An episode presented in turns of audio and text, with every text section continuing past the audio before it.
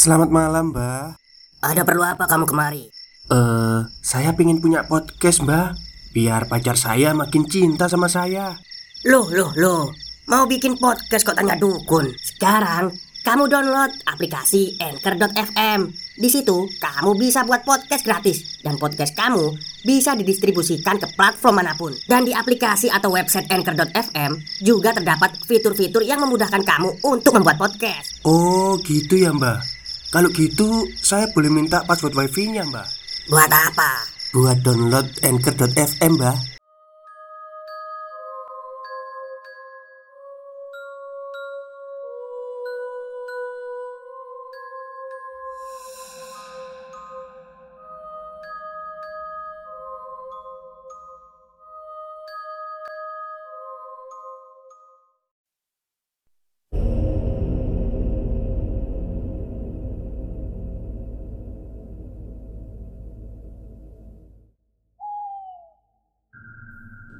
Assalamualaikum warahmatullahi wabarakatuh. Halo semuanya Jumpa lagi dengan saya Chow Sing Sing Kurator dari podcast Horror Night Story. Halo apa kabar semuanya? Semoga kalian semua sehat-sehat ya. Dan seperti biasanya pada siang hari ini Saya kembali dan akan membawakan sebuah cerita Dari Twitter dan cerita kali ini saya bawakan dari metafisika atau uh, kalau di Twitter itu bisa dicari ya UKM pengamatan itu silakan diklik ya. Jadi di sini uh, metafisika akan menceritakan sebuah rumah kosong yang ada di daerah Jawa Tengah, Condong Catur. Baik, seperti apa kisahnya? Mari kita simak. Kali ini aku akan menceritakan sebuah rumah yang sudah lama ditinggalkan. Rumah ini sudah ditinggalkan lebih dari 20 tahun Karena saking lamanya Rumah ini benar-benar tidak terurus Dari banyaknya genteng yang sudah lepas Tembok yang sudah mulai berlumut dan banyaknya tumbuhan menjalar yang menyelimuti rumah ini. Dan ada juga pohon besar yang menutupi bangunan dari kejauhan. Rumah ini ada di daerah Condong Catur, Sleman. Tepatnya ada di daerah Condong Catur bagian utara. Apabila dilihat dari kejauhan, kita tidak bisa melihat secara jelas rumah ini karena tertutup oleh tumbuhan di sekitarnya. Jika kalian melewati daerah ini, mungkin kalian tidak sadar di tempat itu terdapat rumah yang cukup megah.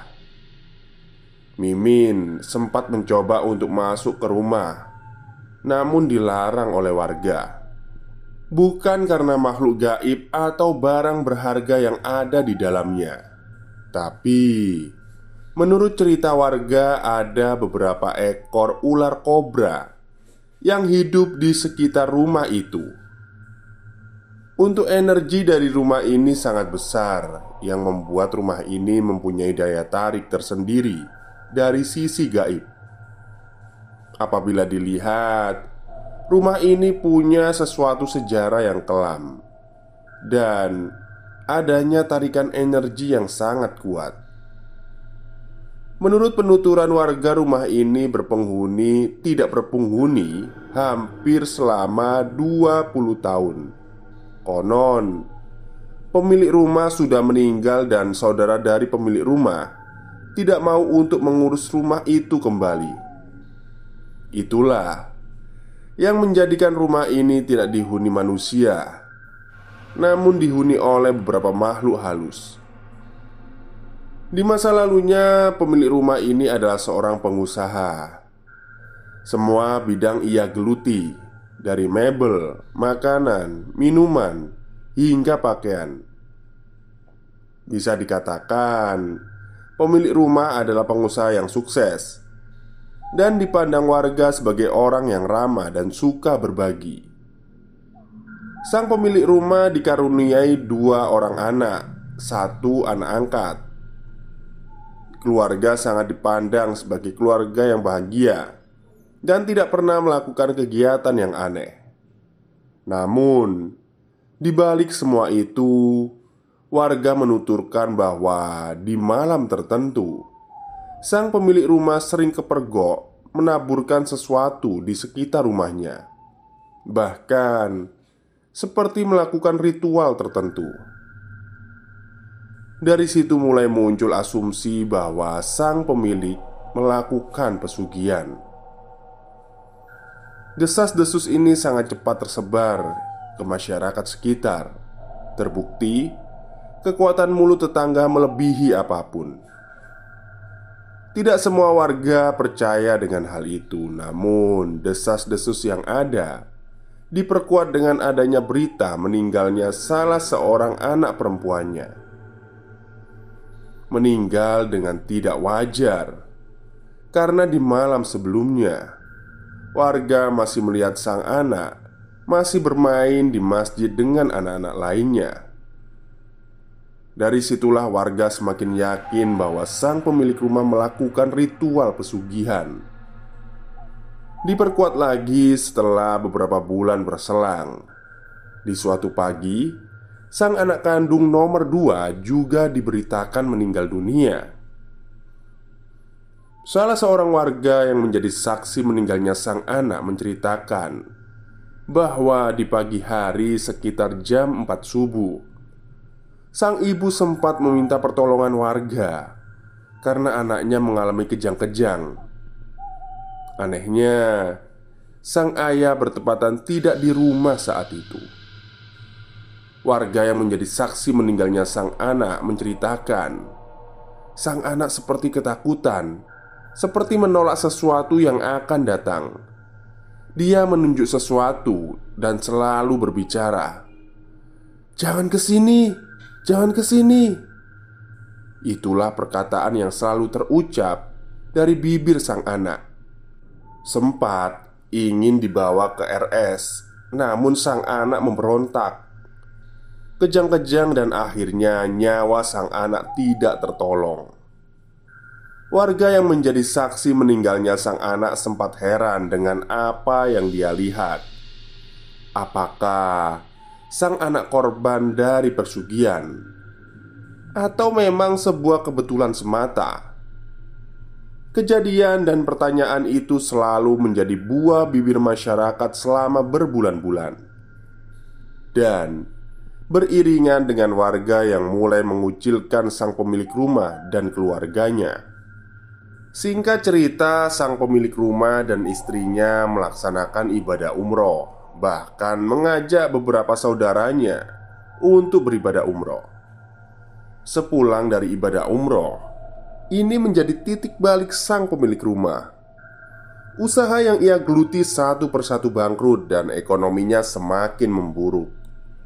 Tak hanya di situ saja, sang pemilik rumah mulai sakit-sakitan, diperparah dengan sang istri yang meninggal, dan hanya diurus oleh sang anak angkat.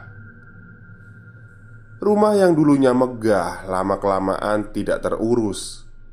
Warga juga ikut membantu, hanya untuk sekedar makan sehari-hari, karena saudaranya tidak pernah membantu. Untuk menjenguk pun tidak pernah sama sekali. Di sinilah mulai ada kejanggalan yang lain. Sang anak angkat sering melihat cahaya merah yang datang dari luar, dan juga suara ledakan yang besar dari atap rumah. Bahkan dia sempat meminta tolong warga. Namun, warga yang mengecek sekeliling rumah tidak menemukan sumber dari cahaya dan ledakan yang dimaksud. Kejadian itu selalu berulang. Selain cahaya dan ledakan, sang anak sering mendengar suara lengkingan wanita tertawa. Suara itu selalu ia dengar setiap surup tiba. Suara itu selalu bebarengan dengan sang pemilik rumah yang mulai ketakutan setiap surup tiba. Bisa dikatakan apa yang dialami adalah sebuah teror. Warga yang mulai jengah selalu mendengar suara minta tolong sang anak setiap malam dan mulai memikirkan cara untuk membantunya. Akhirnya, didatangkanlah ahli spiritual. Warga berbondong-bondong mendatangi rumah dengan sang ahli spiritual itu. Sempat ada perdebatan dengan sang anak karena tidak diperbolehkan. Namun, karena warga yang cukup banyak, sang anak akhirnya hanya bisa pasrah. Setelah dilakukan beberapa ritual, disimpulkan bahwa memang sang pemilik rumah memang memakai pesugihan dengan cara mengorbankan anaknya yang sedara, dan ibadah umroh membuat pesugihan itu luntur seketika. Oh, ini bisa jadi patokan ini. Kalau di desa Anda ada orang yang kaya tapi nggak pergi haji atau umroh, bisa jadi pakai pesugihan dia. Oke, lanjut. Karena makhluk gaib yang bersekutu tidak senang dengan ibadah yang dilakukannya Makanya terjadi hal-hal janggal yang selama ini dialami Seperti mengutuk apa yang dia perbuat Sang ahli spiritual kemudian mengatakan ada sebuah bungkusan benda yang ditanam di sekitar rumah Dan ketika bungkusan itu diambil dan dimusnahkan maka konsekuensinya adalah nyawa dari sang pemilik rumah. Anak angkat yang syok mendengar pernyataan itu sempat tidak percaya. Namun, setelah beberapa buktian yang dilakukan, akhirnya sang anak percaya dan mengikhlaskan apabila memang itu jalan satu-satunya. Dia juga merasa kasihan dengan sang ayah karena kondisinya semakin parah.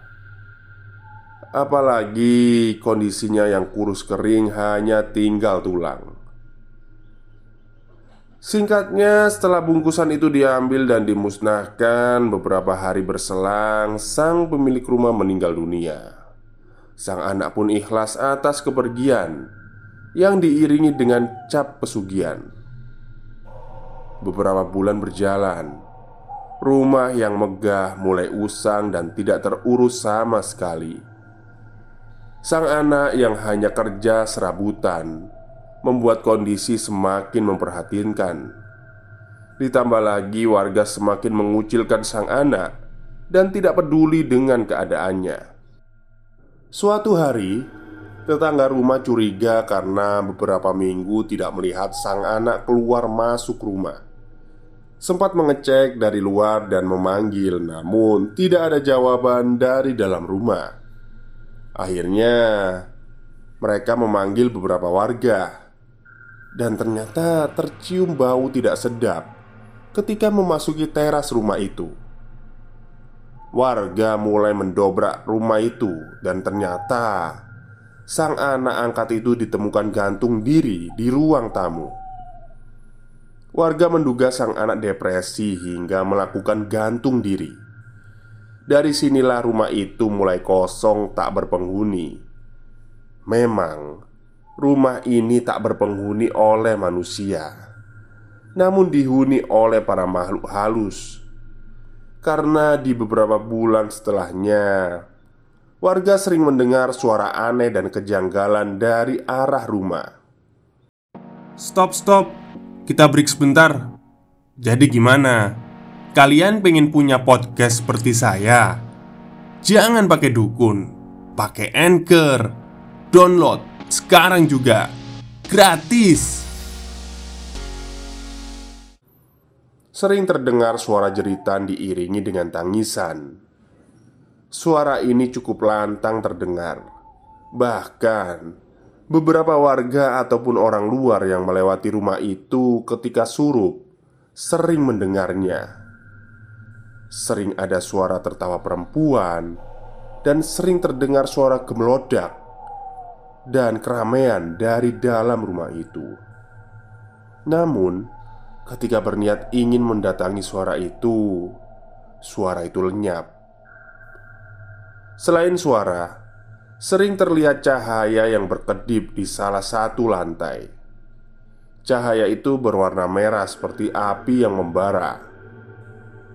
Gangguan-gangguan yang ada mulai membuat warga ketakutan. Jarang ada warga yang berani untuk melewati rumah itu sendirian. Bahkan tetangga rumah yang berdekatan sampai ingin berpindah rumah karena seringnya frekuensi gangguan yang dialami oleh mereka. Saudara sang pemilik rumah yang mendengar berita ini berniat untuk menyelesaikan gangguan yang ada. Didatangkan ahli spiritual, namun tidak ada hasil yang signifikan.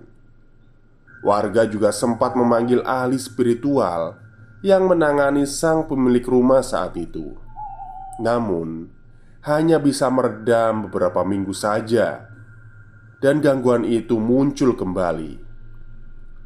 Saudara sang pemilik sempat ingin menjual rumah itu, namun selalu gagal ketika calon pembeli mendengar cerita dari warga tentang gangguan-gangguan yang ada di sana.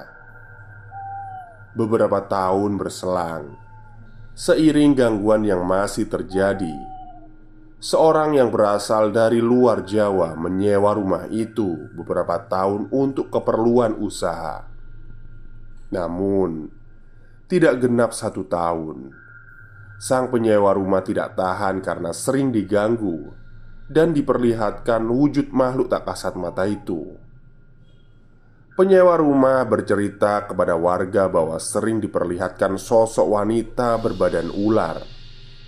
Bahkan, pekerja yang sering menginap pernah bermimpi yang di dalam mimpi itu intinya meminta tumbal manusia dan begitu seterusnya.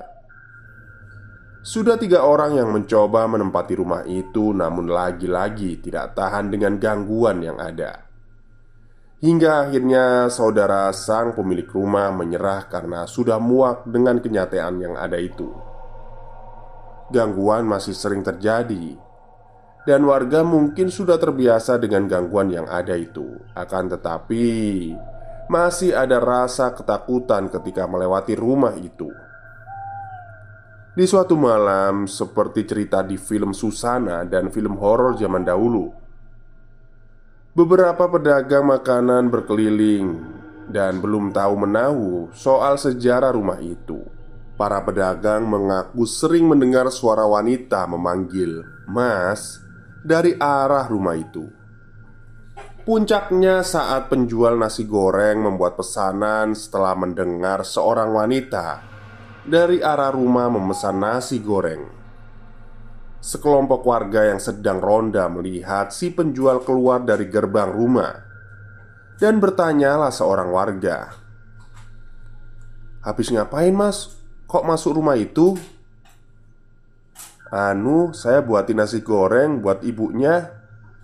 "Loh, ini rumah sudah kosong lama loh mas Ngawur aja Kosong piye tuh mas Wong ada ibu-ibu loh di dalam Ya wah dikandani gak percaya. Wis kosong mas rumah ini mas. 20 tahun rumah ini kosong. Kala itu si penjual nasi goreng benar-benar mendengar suara itu dengan jelas. Bahkan dia juga melihat sosok ibu itu menerima pesanan dan memberikan uang. Walaupun di saat itu si penjual sempat terbesit pikiran Siapa yang mau tinggal di rumah seperti ini? Dijelaskan oleh warga karena si warga curiga. Si penjual terkena sirap Setelah penjelasan dan perdebatan yang cukup panjang Salah seorang warga menyarankan sang penjual agar mengecek uang yang tadi dia terima Dari ibu-ibu itu. Akhirnya dicarilah uang itu di saku celana. Dan ternyata Uang yang tadi ia terima tidak menjadi daun Tapi benar-benar menjadi uang selembar sepuluh ribuan Akan tetapi Di uang itu ada beberapa bercak darah di sekitarnya Karena shock dan cukup terkejut dengan bercak darah itu Beberapa warga mencoba menenangkan si penjual dan beberapa lagi memberanikan diri untuk masuk ke area rumah. Mencoba mengecek apakah ada manusia di dalam rumah itu. Setelah berkeliling dan mencoba memaksa masuk rumah, ditemukanlah bungkusan nasi goreng itu yang masih terbungkus rapi tepat di ruang tamu. Tepatnya di sebuah meja yang sudah usang dan tidak terawat. Warga yang ingin mengambil bungkusan itu mencium bau anyir yang menyengat, dan kemudian terdengar suara geraman dari lantai dua. Ah, ah. Warga yang mendengar itu seketika berlari dan mencoba keluar dari rumah itu. Sekelompok warga lain yang berada di luar bersama penjual nasi goreng terheran-heran melihat mereka lari terbirit-birit dari arah dalam rumah. Bajingan, wes gak bener iki. Ayo balik balik balik. Eh, duitnya tadi bakar aja. Itu duitnya setan. Iya iya mas, wes tak buang aja duitnya.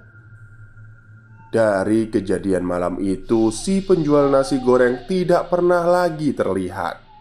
Mungkin karena takut akan terjadi hal yang sama. Cerita ini pun cepat tersebar di seantero warga. Ketakutan kembali menghinggapi hati para warga. Zaman dhisik Arab nyawang wae wedi Mas. Opo maneh lewat? Atau kalau diartikan itu zaman dulu Mau lihat aja takut Apalagi kalau lewat sini Begitulah kalimat yang terucap ketika Mimin mengulik rumah itu Dengan salah satu warga Gangguan mulai hilang ketika salah seorang warga mendatangkan ahli spiritual Dari daerah Wonosari Rumah itu dinetralisir dan juga diberi penangkal agar tidak mengganggu para warga sekitar. Tidak main-main, penetralisir tidak dilakukan seorang saja, namun dilakukan 20 orang. Hasilnya sangat terasa. Hingga saat ini gangguan sangat berkurang. Walaupun tidak sepenuhnya hilang, namun warga sangat terbantu dengan penetralisiran yang dilakukan. Warga menuturkan yang dirasakan sekarang hanya bau-bau anyir dan wangi yang kadang muncul. Namun, warga sudah mulai terbiasa dengan hal itu karena sekarang kebanyakan hanya warga baru yang pendatang atau pendatang baru yang mencium bau itu ketika melewati rumah kosong itu. Warga pun menyiasati agar mengurangi kegiatan di sekitar rumah itu dengan menutupnya dengan seng kayu-kayu besar karena khawatir digunakan oleh orang-orang yang tidak bertanggung jawab. Memang, rumah ini sekarang bisa dikatakan tidak berbentuk seperti rumah. Bahkan apabila orang awam tidak menyangka bahwa ada rumah di daerah itu. Apabila dilihat dari sudut pandang gaib, banyak sosok yang menghuni rumah itu Sosok besar yang cukup mencengangkan adalah sosok wanita berbadan ular. Apalagi energi masa lalu yang masih terasa hingga sekarang, seperti masih tersimpan dan bisa muncul sewaktu-waktu. Ketika Mimin bertanya bagaimana masa depan rumah ini, penuturan warga sendiri beberapa bulan sebelum pandemi Sempat ada beberapa orang yang mengecek rumah itu dan sepertinya ingin dibangun sesuatu. Tapi sampai saat ini belum ada perkembangan yang signifikan. Aku aja kadang lupa loh mas kalau ada rumah di sana Mungkin mau dijual Begitulah respon ketika Mimin bertanya tentang masa depan rumah ini kepada warga Segala sesuatu pasti akan ada hikmahnya dan pembelajaran yang bisa kita ambil. Selalu bersyukur dengan apa yang ada dan selalu berusaha ketika kita masih mampu melakukannya. Mimin undur diri dari hadapan Anda, matur nuwun. Mohon maaf bila ada kesalahan dalam penulisan. Karena lama-lama datang juga ketika diceritakan.